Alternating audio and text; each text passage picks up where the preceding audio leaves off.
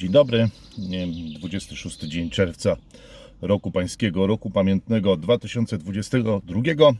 Radosław Pyfel, witam Państwa bardzo serdecznie. 22 dzień czerwca i jednocześnie 123 dzień e, wojny, 123 dzień e, agresji Federacji Rosyjskiej na Ukrainę, 123 dzień e, z rzędu, kiedy nagrywam dla Państwa jakiś materiał, który publikuję na tym kanale. E, Zacznę od tego, co najbardziej nudzi e, tych, którzy darczyńcami nie są, ale podobno nudzi to też darczyńców. Wielkie dzięki za wsparcie z całego świata. Dzięki Wam ten kanał funkcjonuje. Mamy sporo e, nowych pomysłów. E, Nie byłoby możliwe realizowanie tej pasji bez Waszego wsparcia. Za to, za to wielkie dzięki. Proszę Państwa, także chyba dzięki Państwa wsparciu na pewno dzięki Państwa wsparciu po raz pierwszy w życiu znalazłem się na demotywatorach. No ten y, kanał zdaje się, czy ten portal, ta strona internetowa chyba y, swoją wielką popularność, największą popularność ma już za sobą, no ale jednak znalezienie się na demotywatorach zawsze jest jakimś y, wyróżnieniem, trochę niespodziewanym, proszę Państwa, bo ja o to jakoś specjalnie nie zabiegałem i nie sądziłem, że to się kiedykolwiek y, stanie. No, mimo, że od iluś tam e, lat wypowiadam się publicznie, no to nie sądziłem, że kiedykolwiek znajdę się na demotywatorach, a znalazłem się tam w formie zabawnego filmiku, taki chyba dwu czy trzyminutowy filmik ze zmo, zmontowanymi dźwiękami y, a, e. E, Nawet nie sądziłem, że można tak łatwo zmontować e, e, film z wypowiadanymi przeze mnie zgłoskami właśnie w ten sposób i że tak szybko można zebrać właśnie 2-3 minutowy materiał. No cóż, proszę Państwa, filmik zabawny, polecam.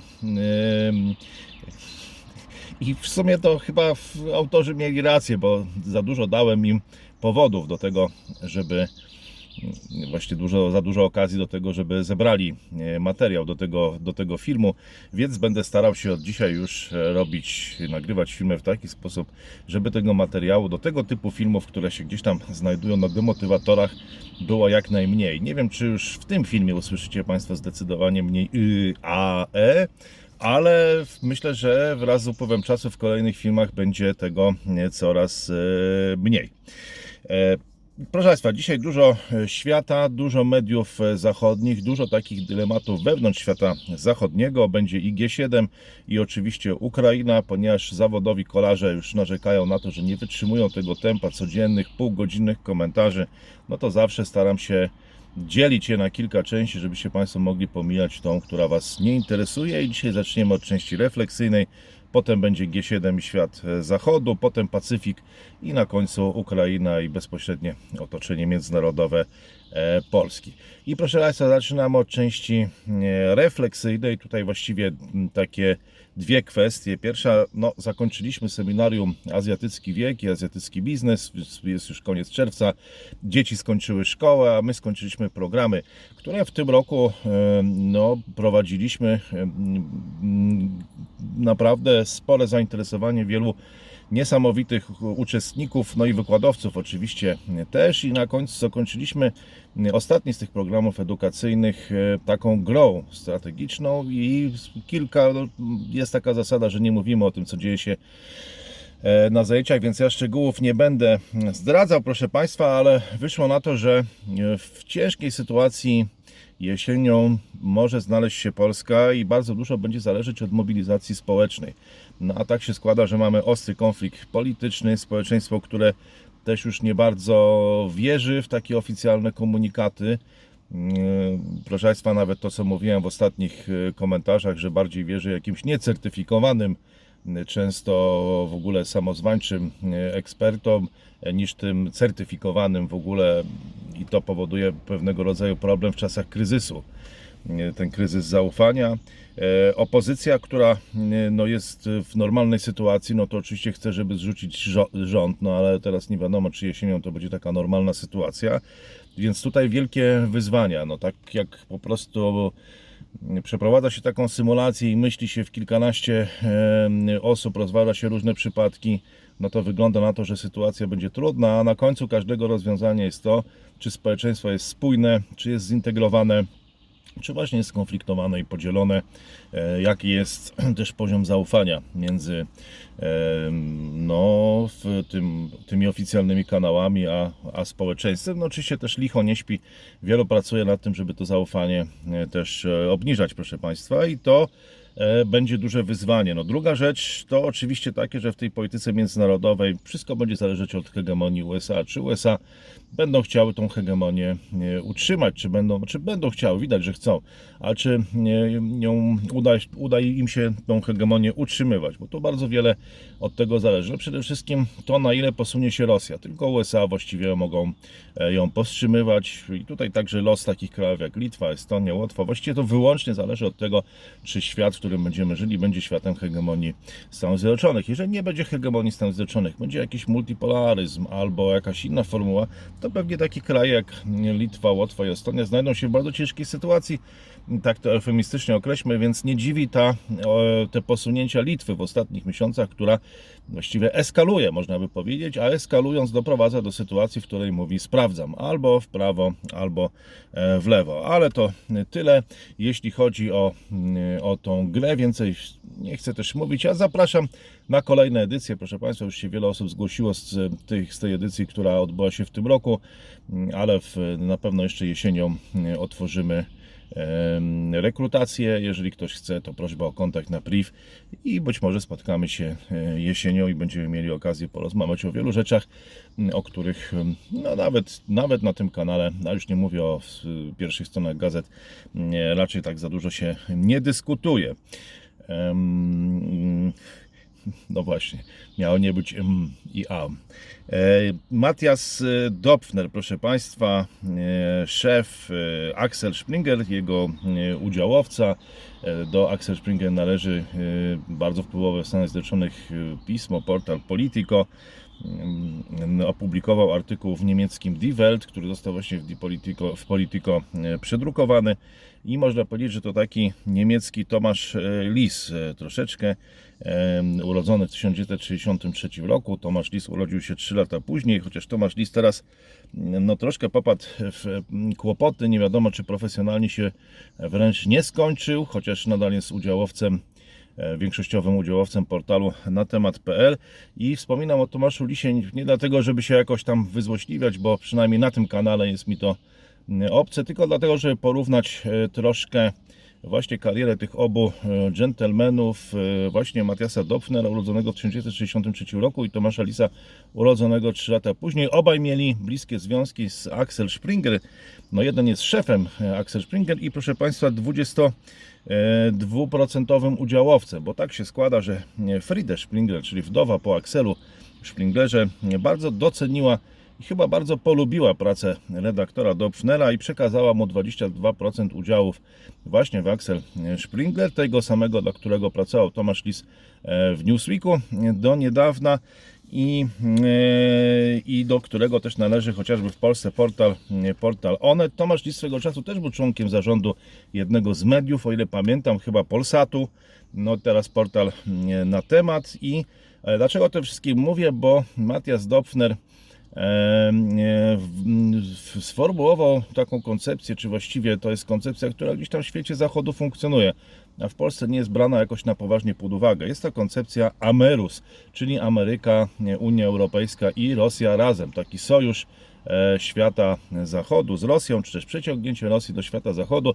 I był już taki motyw, jak Państwo pamiętacie, po agresji na Gruzję, e, po- agresji Federacji Rosyjskiej na Gruzję, doszło do resetu e, w relacjach z Rosją. To jest coś, o czym dzisiaj w Polsce jakoś nikt nie chce za bardzo pamiętać i nikt nie chce za bardzo tego tematu dyskutować, bo on jest całkowicie jakby w Polsce wykluczony, nie brany pod uwagę. No ale jednak musimy, jeśli sami nawet wykluczamy a priori z góry zakładamy, że coś takiego, do czegoś takiego nie chcemy, żeby kiedykolwiek doszło, no nie możemy nie zauważać, że e, gdzieś na zachodzie, właśnie w Niemczech czy w Axel Springer, który ma jednak spory wpływ, bo mamy portal Onet w Polsce chociażby, już nie mówię tutaj o tygodniku Newsweek Polska, k- który do, do Axel Springer należy. No i tam są właśnie takie koncepcje w tego sojuszu amerykańsko-europejsko-rosyjskiego. No i Matthias Dopfner mówi o tym, że bo prędzej czy później Putin się skończy i Rosja po Putinie będzie miała tylko e, dwa wybory. Tylko dwa wybory. Albo z Zachodem, albo z, Chin,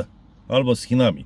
No, wydaje mi się, że właśnie Rosja to walczy o uniknięcie takiego wyboru. No, czy im się to uda, e, no to czas pokaże. Matthias Dofner twierdzi, że im się to nie uda i że staną przed wyborem albo Zachód, albo Chiny. No ale oczywiście poza tym wyborem jest też kwestia e, warunków i ceny. Jak z Zachodem, to na jakich warunkach? No tutaj Rosja moim zdaniem otrzymała bardzo dużo, a jednak mimo wszystko była niezadowolona, chciała więcej, wypowiedziała to. E, No tego w tym artykule akurat e, nie ma. Natomiast Matthias Dofner przyznaje, że teraz Amerus jest bardzo mało prawdopodobny. Bardzo mało prawdopodobny, ale zaleca, by brać go pod uwagę i starać się do niego dążyć, bo alternatywy są dużo gorsze.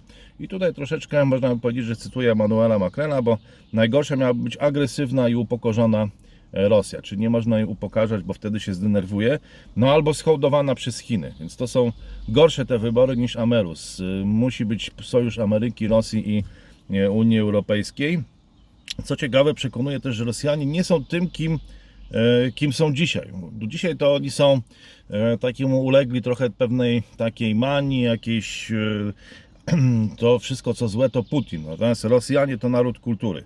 Naród kultury, czyli zasługuje na to, żeby e, być tutaj sojusznikiem świata zachodniego, właśnie amerykańskiego i europejskiego. Zły jest tylko Władimir Putin, ale on kiedyś minie. A jak minie, no to wtedy otworzą się nowe możliwości i będzie można umieścić na tronie albo Nawalnego, albo Kasparowa, no albo kogoś e, takiego. I tutaj mówi o tym, że byłyby to wspólne wartości, czyli demokracja, oczywiście e, handel, e, Europa, Rosja, no może nawet obrona wtedy przed Chinami. No proszę Państwa, więc no, nas łączy rusofobia wszystkich od lewa do prawa, ale może być tak, że w pewnym momencie znowu obudzimy się tak jak w 2010 roku po agresji na Gruzję. mm, Obudzimy się w jednym obozie razem, razem z, Federacją, z Federacją Rosyjską, w wielkim obozie no właśnie wartości handlu, a może nawet e, obozie takim obronnym. I to myślę, że nie powinno nam to nawet na tym kanale gdzieś tam znikać z pola widzenia, abstrahując już od tego, czy to jest pożądana e, koncepcja i dzisiaj mało prawdopodobna, ale taka, o której się cały czas dyskutuje, choćby w tak wpływowym medium w świecie zachodu, ale także w Polsce, jak Axel Springer. E, Jak będzie, zobaczymy. Proszę Państwa, teraz e, przenosimy się do, na świat zachodu, czyli pozostajemy w świecie zachodu, ale to już jest ta druga część, już ta nierefleksyjna, ta, która może Państwa bardzo znudzić, a może właśnie dopiero od tej części rozpoczynacie oglądanie tego komentarza. Sąd Najwyższy w Stanach Zjednoczonych uchyla konstytucyjne prawo do aborcji. No to było prawo człowieka w Stanach Zjednoczonych, że można dokonać aborcji i to jest odczuwalne na całym świecie e, nie tylko w Stanach Zjednoczonych, które są tym trendsetterem. Już zdaje się 26 stanów e, amerykańskich zapowiedziało wprowadzenie restrykcyjnego e, prawa w tym e, zakresie.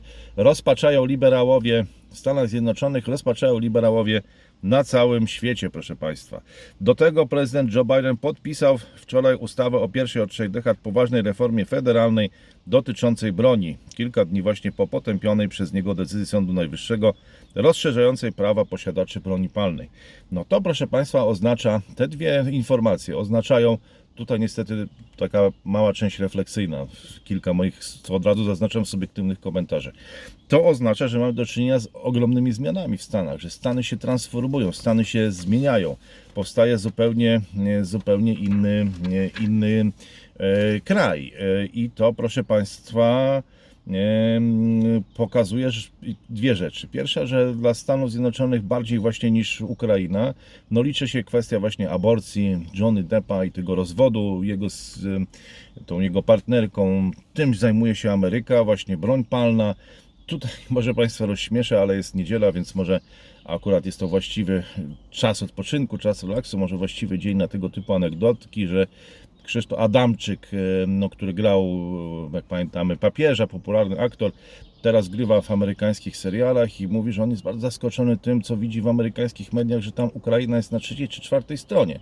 A dla nas, dla nas, dla krajów bałtyckich, dla Rumunii, no to jest sprawa pierwszorzędna. Natomiast tam, e, jak widać, no już nie tylko Johnny Depp, ale właśnie kwestie aborcji, kwestie broni palnej, no to są rzeczy, które przykuwają uwagę Amerykanów. One są dla nich bardzo ważne. To społeczeństwo przechodzi ogromną transformację teraz.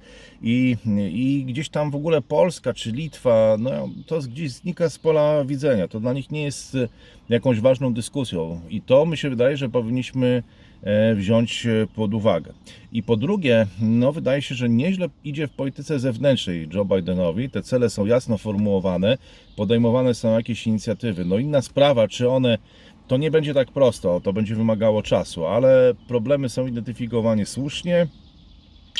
Tylko cóż z tego, proszę Państwa, skoro decydować będzie polityka e, właściwie wewnętrzna, może decydować polityka wewnętrzna, e, to na ile Amerykanom e, uda się utrzymać stabilność społeczną e, i przeobrazić Amerykę we właściwy sposób.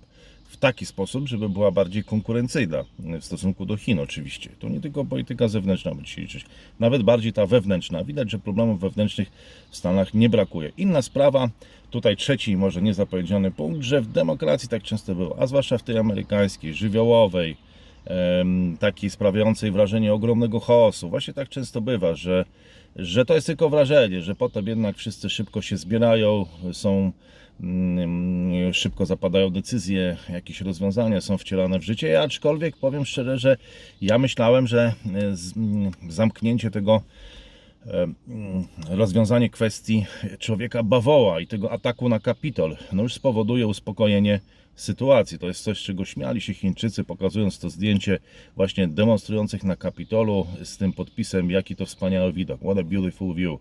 To było co na to jest, to była taka symetryczne, symetryczna uszczypliwość zinspirowana wcześniejszym wpisem Nancy Pelosi, która widząc protestujące tłumy w Hongkongu właśnie użyła tego sformułowania what a beautiful, what a beautiful view, co za piękny widok. No i wtedy ten tłum na Kapitolu, jaki wspaniały widok. Śmiali się Chińczycy, śmiały się chińskie media, E, to zdaje się chyba naczelny e, portalu Global Times, e, Hu Jin, taki no, przedstawiciel twardogłowych w establishmencie chińskim, zresztą tak jak i cała ta gazeta. No ale to pokazuje, że ta rywalizacja między Stanami a Chinami toczy się również w polityce wewnętrznej. Wydawało się, że Amerykanie szybko sytuację opanowali, a teraz widać, że że mamy do czynienia z jakąś konserwatywną rekonkwistą, że zaczyna dymić, jakieś problemy sprawiać Donald Trump. I to mimo tego, że został zbanowany i usunięty z mediów e, społecznościowych. No nie wiem, jak jeżeli Państwo mieszkacie w Stanach, bylibyśmy wdzięczni za komentarze. Co się tam tak naprawdę dzieje? Na czym polega ta społeczna rewolucja, która mm, rozgrywa się w Stanach? Bo ja przyglądam tylko nagłówki amerykańskich gazet i widzę, że Amerykanie żyją czymś zupełnie innym niż wojna e, na Ukrainie, Litwa, nie wiem. To są jakoś, jest to jeden, jeden z tematów powiedzmy, ale wcale niekoniecznie ten najważniejszy. Tymczasem brytyjski premier Boris Johnson powiedział w sobotę, że zamierza pozostać u władzy do połowy przyszłej dekady, mimo wezwań do odejścia, co uczyniłoby go najdłużej urzędującym przywódcą kraju od 200 lat. No nie ma co ukrywać, że porównując władzę premierów Viktora Orbana i Borisa Johnsona, no to ten pierwszy ma władzę dużo e, większą, bardziej e, stabilną. E, Boris Johnson bezustannie tam wisi już na jakichś pojedynczych głosach. Nie wiadomo, czy właściwie jest sens to jeszcze komentować, proszę Państwa, bo cały czas rozgrywa się ten serial pod tytułem Czy Boris Johnson trzyma się e, u władzy, a czasy są, e, a czasy są, proszę Państwa, no mm, nie tyle epickie i ciekawe, no co decydujące o kolejnych dekadach. Myślę, że wszyscy sobie z tego doskonale zdajemy sprawę, także i w Polsce. E, tymczasem w Norwegii 42-letni mężczyzna został aresztowany, oskarżony o zabójstwo, usiłowanie zabójstwa i akty terrorystyczne po strzelaninie w centrum stolicy Norwegii Oslo. E, na pewno tam i, i tam są widzowie tego kanału. Jestem pewien, jestem ciekaw, jak, e, jak oceniacie tą sytuację, w ogóle sytuację w Norwegii, co tam słychać u Was.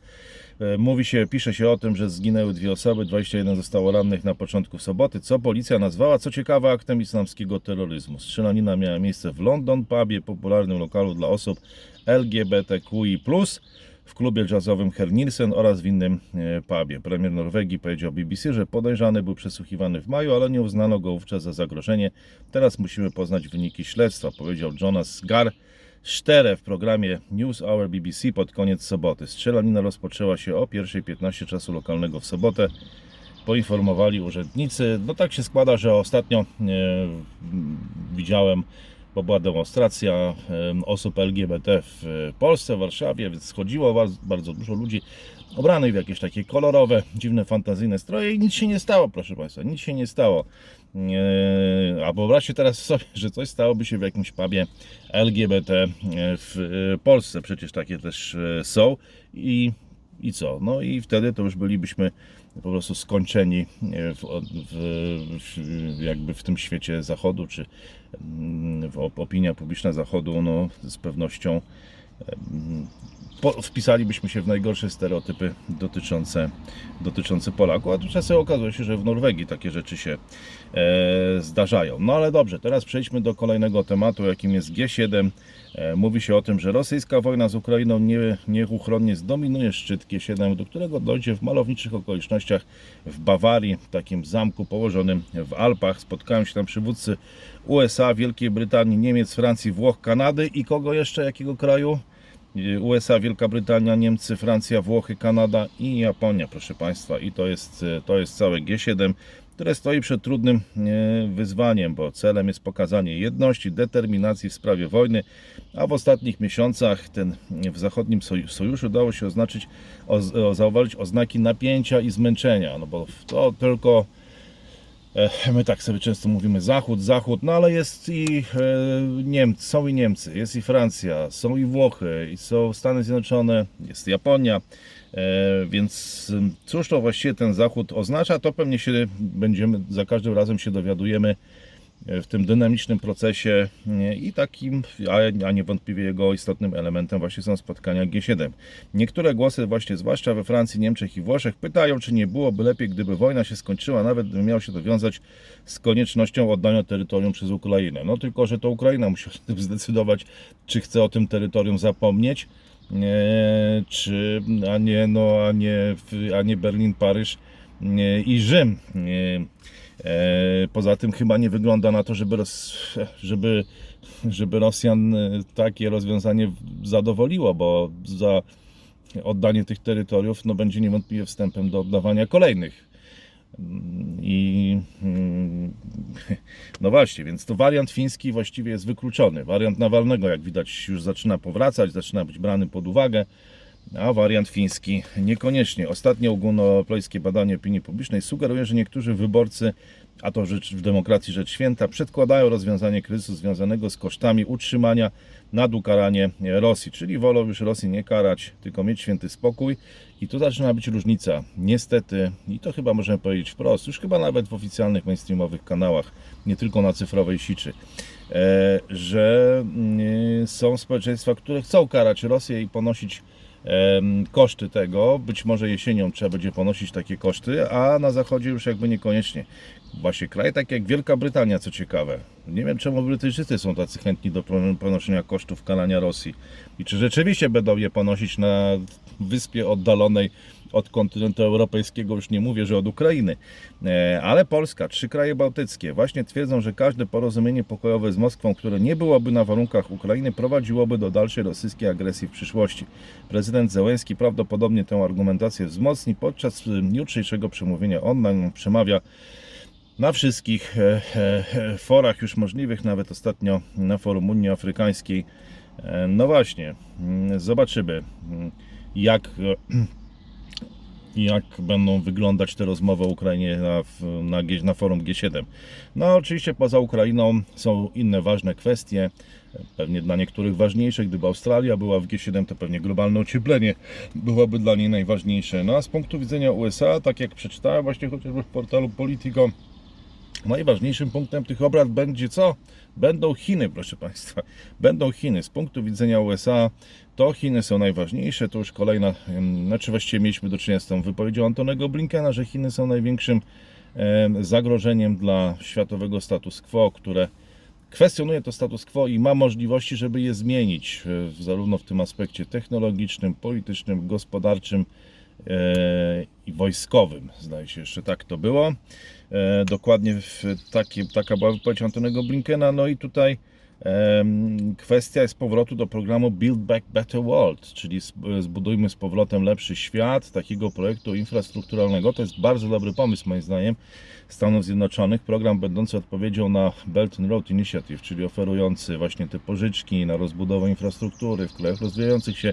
Świetny program, świetny pomysł. Tyle, proszę Państwa, że spotkał się ze średnim entuzjazmem Francji, Niemiec i innych członków e, G7, e, którzy no, jakoś okazuje się, że mm, mówią o Chinach jako strategicznym rywalu, ale kiedy tylko Chiny powiedzą, że odetną ich od dostępu do rynku, e, albo nie pozwolą inwestować w Chinach, e, czy tam działać, sprzedawać, no to raptem już okazuje się, że nie są zwolennikami ani Build Better, World, ani już e, tak do końca są dalej, strategickim, dalej są strategicznym rywalem, ale jednocześnie takim, z którym, no jak to się mówi, trzeba rozmawiać, trzeba też e, współpracować.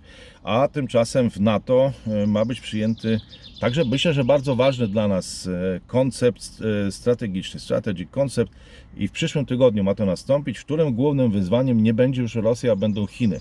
To również bardzo ważne dla no, takich krajów jak Polska, no Litwa już akurat uznała chyba Chiny wcześniej nawet niż Rosję za głównego rywala, bo jak wiemy jest w nim, z nim w stanie wojny handlowej. No ale, ale Polska do tej pory e, chyba wydaje się, że za strategicznego rywala uznawała Rosję, więc może to e, troszkę zmienić naszą, e, naszą optykę. I e, ciekawe właśnie tutaj porównanie G7 do G20. Jeden z europejskich dyplomatów e, no, mówi, że G7 to taki format trochę już przestarzały, że G20 odgrywa dzisiaj taką istotną rolę, bo tam zderzają się różne wizje, różne stanowiska. Również takie, tam są takie kraje jak Meksyk, Indonezja, Arabia Saudyjska, no oczywiście, e, oczywiście Chiny, Indie, Argentyna, e, Brazylia i ten dyplomata europejski powiedział, że dyplomacja nie polega na rozmawianiu z podobnie myślącymi czy podobnie, podobnymi sobie, no ale właśnie na konfrontowaniu tych opinii z tymi krajami, między innymi z tymi krajami, które wymieniłem.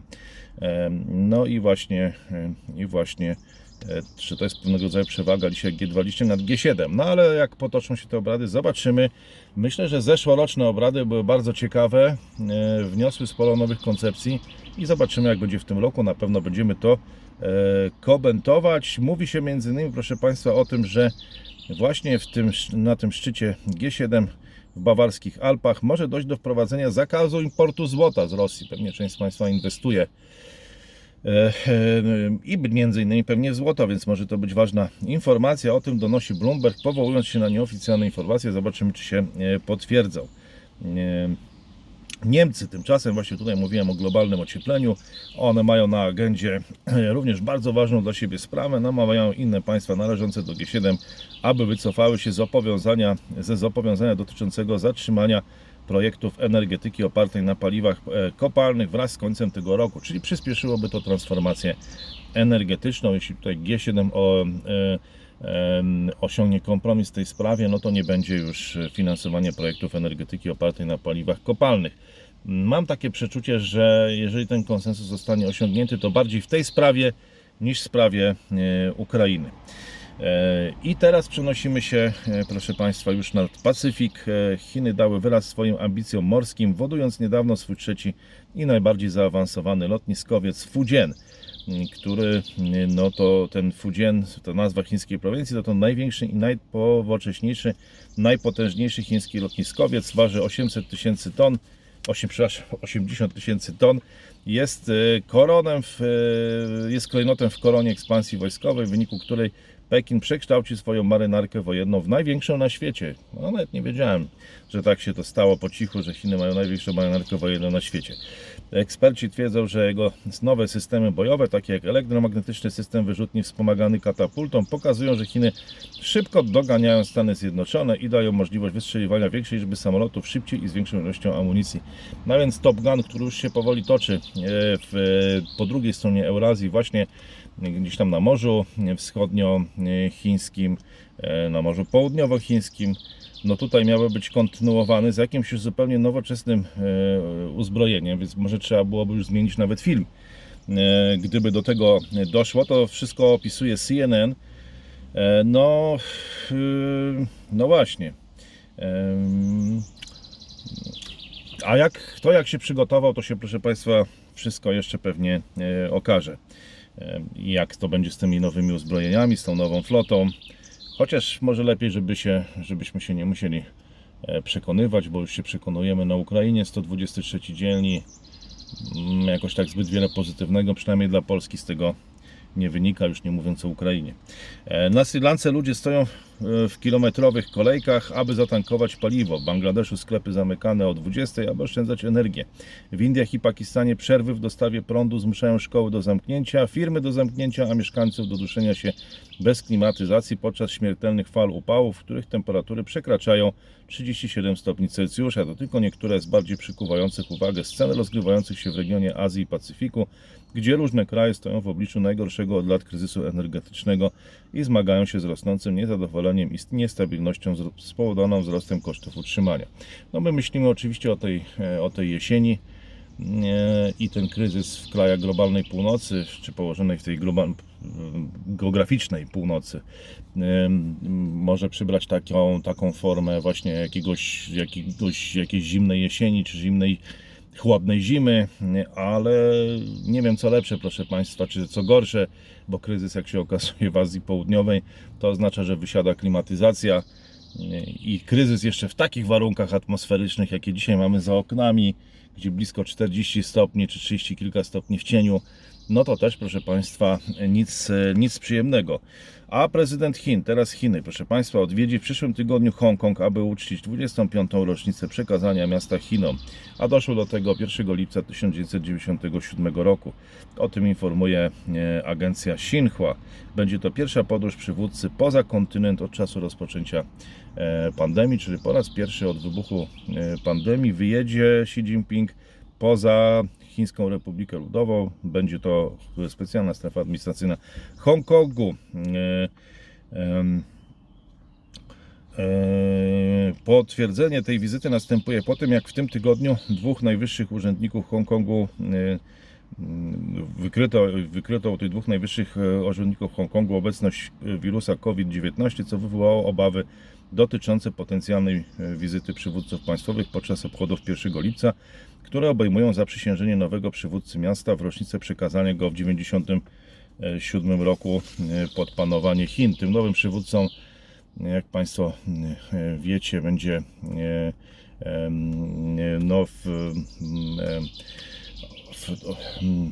Li, Li Xilelung, e, były, były policjant, e, który e, no, zgodził się stanąć na czele administracji, administracji e, Hongkongu.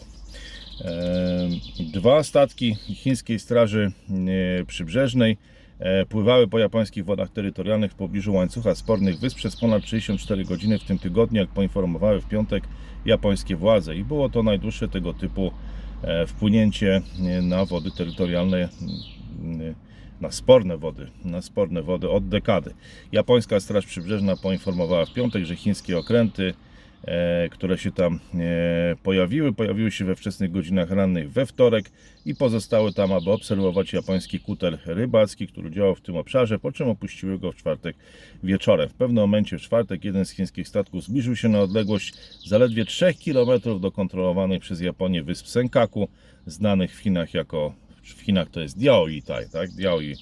E, mm, na, znacznie przekraczając uznawaną na całym świecie granicę e, 19 km, która określa wody terytorialne danego e, kraju. No więc tutaj takie małe napięcia między, między Japonią a Chinami. No i tu przychodzimy już do E, Do naszej bliskiej zagranicy w najbliższych miesiącach Rosja wyśle swojemu sojusznikowi Białorusi, który jest tak ważny jednak dla całej sytuacji, dla rozwoju całej sytuacji, także dla Polski, systemy rakietowe krótkiego zasięgu o parametrach nuklearnych. O tym poinformował Władimir e, Putin. Powiedział, że systemy Iskander M mogą wystrzeliwać pociski balistyczne i krus, zarówno konwencjonalne, jak i jądrowe. Systemy te mają zasięg do 500 km. Napięcia między Rosją a krajami Zachodu wzrosły po decyzji Putina o inwazji na Ukrainę 24 lutego, a więc dniu, w którym zacząłem nagrywać dla Państwa codzienne komentarze. Od tego czasu Putin kilkakrotnie wspomniał o broni jądrowej, co niektórzy interpretowali jako ostrzeżenie dla państw Zachodu, by nie, nie interweniowały. W odpowiedzi na pytanie Łukaszenki, przemawiając w Petersburgu, Putin powiedział, że Rosja pomoże zmodyfikować białoruskie samoloty Su-25 tak, by przenosić broń e, jądrową. No, cały czas trwa, proszę Państwa, ważna debata, czy dyskusja o, e, o Białoruś, którą u nas właściwie dyskusji nie ma, ona jest jednoznacznie już potępiona. E, Rosja nas stoi na krawędzi pierwszego od 98 roku bankructwa, ponieważ niedzielny termin spłaty odsetek w wysokości 100 milionów dolarów wydaje się nie do dotrzymania. 100 milionów dolarów, naprawdę to jest taki problem? Rosja ma pieniądze, jest gotowa zapłacić, ale sankcje uniemożliwiają przekazanie ich międzynarodowym wierzycielom. No, czyli o to chodzi. Kreml jest zdeterminowany, by uniknąć pierwszego właśnie bankructwa od dwudziestu kilku lat i poważnego ciosu dla prestiżu kraju. No ja nie wiem, czy tak im na tym prestiżu kraju zależy, przynajmniej na zachodzie. Rosyjski minister finansów nazwał tę sytuację farsą, czyli rozumiem, że chce zapłacić, a nie może. Od czasu nałożenia przez USA i Unii sankcji po inwazji na Ukrainę, teraz nie będzie płacił, no będzie pokazywał, to znieście sankcje, to zapłacę. Jak nie znieście sankcji, to nie mogę zapłacić, no i wtedy no, musicie mnie ogłosić bankrutem i to jest farsa. Od czasu nałożenia przez USA i Unię sankcji po inwazji na Ukrainę, Rosja wydaje się być na nieuniknionej drodze do niewypłacalności. Rząd rosyjski zapowiedział, że chce dokonywać wszystkich płatności w terminie. Jak dotąd mu się to udawało. Około 400 miliardów, przepraszam, 40 miliardów rosyjskiego długu jest denominowane w dolarach lub euro, przy czym około połowa jest przechowywana poza granicami kraju. No i niewypłacalność e, byłaby pierwszą od 1998 roku, czyli od chaotycznego e, końca rządów stojącego na chwiejnych nogach Borysa e, Jelcyna. Tymczasem prezydent Ukrainy Wołodymyr Zełenski powiedział w sobotę, że Ukraina odzyska wszystkie miasta, które utraciła na rzecz Rosji, w tym Siewierodoniec i przyznał, że wojna staje się trudna do zniesienia pod względem emocjonalnym.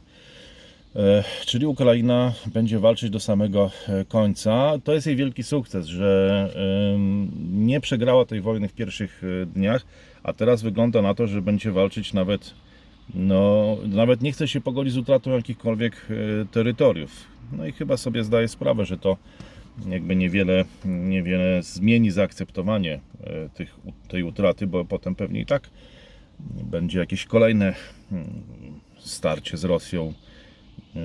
No, ale to może budzić coraz większe, większe zniechęcenie w krajach, niektórych krajach Zachodu. Pewnie nie w Polsce czy nie na Litwie, ale no, ale w Niemczech czy Francji to już nie wiem. A tutaj to, że wojna staje się trudna do zniesienia pod względem emocjonalnym, już dawno takich wypowiedzi mm, ze strony Wołodymyra Zełenskiego nie słyszałem. Em, Nie brzmi to jakoś szczególnie pocieszająco chyba, a uchodził on za taki symbol No i przykład tej znakomitej polityki komunikacyjnej. Chyba wszyscy byliśmy pod wrażeniem na samym początku wojny, jak bardzo był doskonale przygotowany, jak się świetnie w tej roli sprawdzał, a teraz no takie wysłanie takiego sygnału, mm, który tak powiem szczerze, żołnierzy na froncie musi chyba e, słabo motywować. I kolejna ciekawa wypowiedź niemieckiego ministra gospodarki. Nawet jeśli jeszcze nie czujemy, jesteśmy w środku gazowego kryzysu. Teraz gaz jest aktywem deficytowym. Tak mówi właśnie minister gospodarki Niemiec Robert Habeck, często cytowany na tym kanale. Jeśli dalsze wzrosty cen błękitnego paliwa i braki surowca mogą poskutkować, utrzy- utrzymają się, to mogą poskutkować globalnym kryzysem na miarę tego z 2008 roku. No proszę Państwa, ja sądzę, że tu już chyba mamy Chociaż nie, może my inaczej na to patrzymy, bo myśmy w 2008 rok to przeszli, można powiedzieć, że suchą stopą, a teraz już odczuwamy skutki tego kryzysu. Natomiast Robert Habeck się zastanawia, czy Habeck, przepraszam, Robert Habeck się zastanawia, czy to dopiero będzie, mm, że może wchodzimy właśnie dopiero w kryzys 2008 roku. To pokazuje, że na zachodzie jednak ten kryzys był dużo głębszy. Skoro tam no, jakby mamy do czynienia z, z tego typu publicznymi rozważaniami. Dla nas jest jasne, że kryzys już jest teraz. Już na pewno ten, który teraz mamy, jest głębszy niż ten, który był w 2008 roku. No ale jesienią, jak mamy szansę jako społeczność międzynarodowa dojść do takiego samego poziomu, jakim był kryzys w 2008 roku, w Polsce praktycznie niezauważalny. Tymczasem Komisja Europejska będzie w dużym stopniu refundować te nasze wydatki i tę naszą broń, którą przekazaliśmy Ukrainie, zadeklarował premier Mateusz Morawiecki w sobotę w Kole w województwie wielkopolskim podczas spotkania z obywatelami. Czyli pomagamy Ukrainie, ale płaci Unia, proszę Państwa, czyli jest wspaniale, tak jak było w ciągu ostatnich trzech dekad, że Unia e, płaci, no a my, e, a my pomagamy. My pomagamy, no i, i to chyba wydaje mi się, że jest ważne dla Polaków. Na pewno to jest ważne dla elektoratu, żeby on nie odczuwał tego, że to z własnej kieszeni, że to właśnie płaci Unia, jakaś Bruksela, jacyś podatnicy zachodnioeuropejscy, są bogaci, mają pieniądze, więc niech płacą, a my pomagamy, proszę Państwa. I słusznie, bo pomagamy we własnym interesie, bo wszystko to, e, co Ukraina jakby wywalcza, e, kosztem zrujnowania też nie, nie ma co ukrywać swojego kraju, no to wywalcza dodatkowy jakiś czas dla Polski, czas potrzebny na reformę, na refleksję. No, czy ona przyjdzie i czy te, ta reforma, czy te refleksje się pojawią, to już jest inna sprawa, ale ten czas dzisiaj jest e, bardzo ważny. Za to E, Za to no, rzeczywiście możemy być Ukrainie e, bardzo wdzięczni, zwłaszcza, że płaci Unia Europejska też za to, jak się okazuje, w dużej mierze, więc e, no, chyba całkiem nieźle się w tej sytuacji, jak rozumiem, ustawiliśmy. Na pewno to podoba się wyborcom. Wszystko się tutaj zgadza. E, Proszę Państwa, nie tylko firmy handlujące rosyjskimi surowcami czy zbożem, ale też instytucje finansowe i oligarchowie przynoszą się do Dubaju. Emiraty Arabskie obrały kierunek bliższy rosyjskim interesom niż Zachodu, za co Europa grozi wpisaniem Zjednoczonych Emiratów na czarną listę. Nie, Teraz Londyn nakłada sankcje, rekwiruje majątki oligarchów, Curych respektuje europejskie embarga, a nowa mała Moskwa powstaje, proszę Państwa, nie w Legnicy, ale pod palmami, właśnie w Dubaju, gdzie pojawiają się e, masowo Rosjanie, bogaci Rosjanie i tam urządzają sobie e, życie. A ja chciałbym Państwu życzyć e, tego, żebyście też sobie dobrze urządzili życie, ale żebyście dobrze spędzili tą niedzielę. Proszę Państwa, jestem wdzięczny za wsparcie, ale jeżeli ten komentarz Was bardzo zdenerwował i nie lubicie tego typu komentarzy, to nic na siłę. Na pewno nie wspierajcie tego kanału, e, ale wspierajcie jakieś inne kanały. Do tego będę Was namawiał. Jeżeli Wam się nie podoba, to nie oglądajcie, nie wspierajcie, natomiast Natomiast wspierajcie innych, bo uważam, że to jest bardzo ważne, jest to bardzo motywujące dla twórców e, i znacznie poszerza ich zakres, jakby pole manewru, ma, daje większy margines swobody. E, Więc jeżeli ten kanał Wam się nie podoba, to nie oglądajcie i nie wspierajcie, ale wspierajcie inne. O to zawsze będę apelował, dziękując swoim darczyńcom, których liczba właściwie już przekroczyła 200 osób od samego początku. E, 123 dni i 200 osób, więc całkiem, e, a przecież nie od samego początku zaczęliśmy. E, Stworzyliśmy możliwość jakby wspierania tego, e, tego, tego kanału nie od samego początku, ona była możliwa i dostępna. Proszę Państwa, dużo wyobraźni, zdrowego rozsądku w nieograniczonych ilościach, ale we właściwych proporcjach. E, Wracajcie na ten kanał każdego dnia, bo zawsze coś będzie się pojawiać, dopóki wojna będzie trwała, tak to obiecałem i z tego staram się wywiązywać. Nie wiem, czy dzwoneczki, czy tam subskrypcje, e, czy jesteście zwolennikami e, tego typu e, właśnie jakichś działań. Ja bardzo się cieszę, jeżeli oglądacie te filmy, nie dlatego, że poleca Wam to algorytm, ale dlatego, że sami się na to decydujecie. A to już było wszystko właśnie 26 dnia czerwca roku Pańskiego Roku Pamiętnego 2022. Miłej niedzieli, pomimo tych wielkich upałów. Być może jeszcze za nimi zatęsknimy e, jesienią, więc cieszmy się dobrym zdrowiem, cieszmy się tą niedzielą roku Pańskiego Roku Pamiętnego 2022, 26 dnia czerwca. Kłaniam się i pozdrawiam.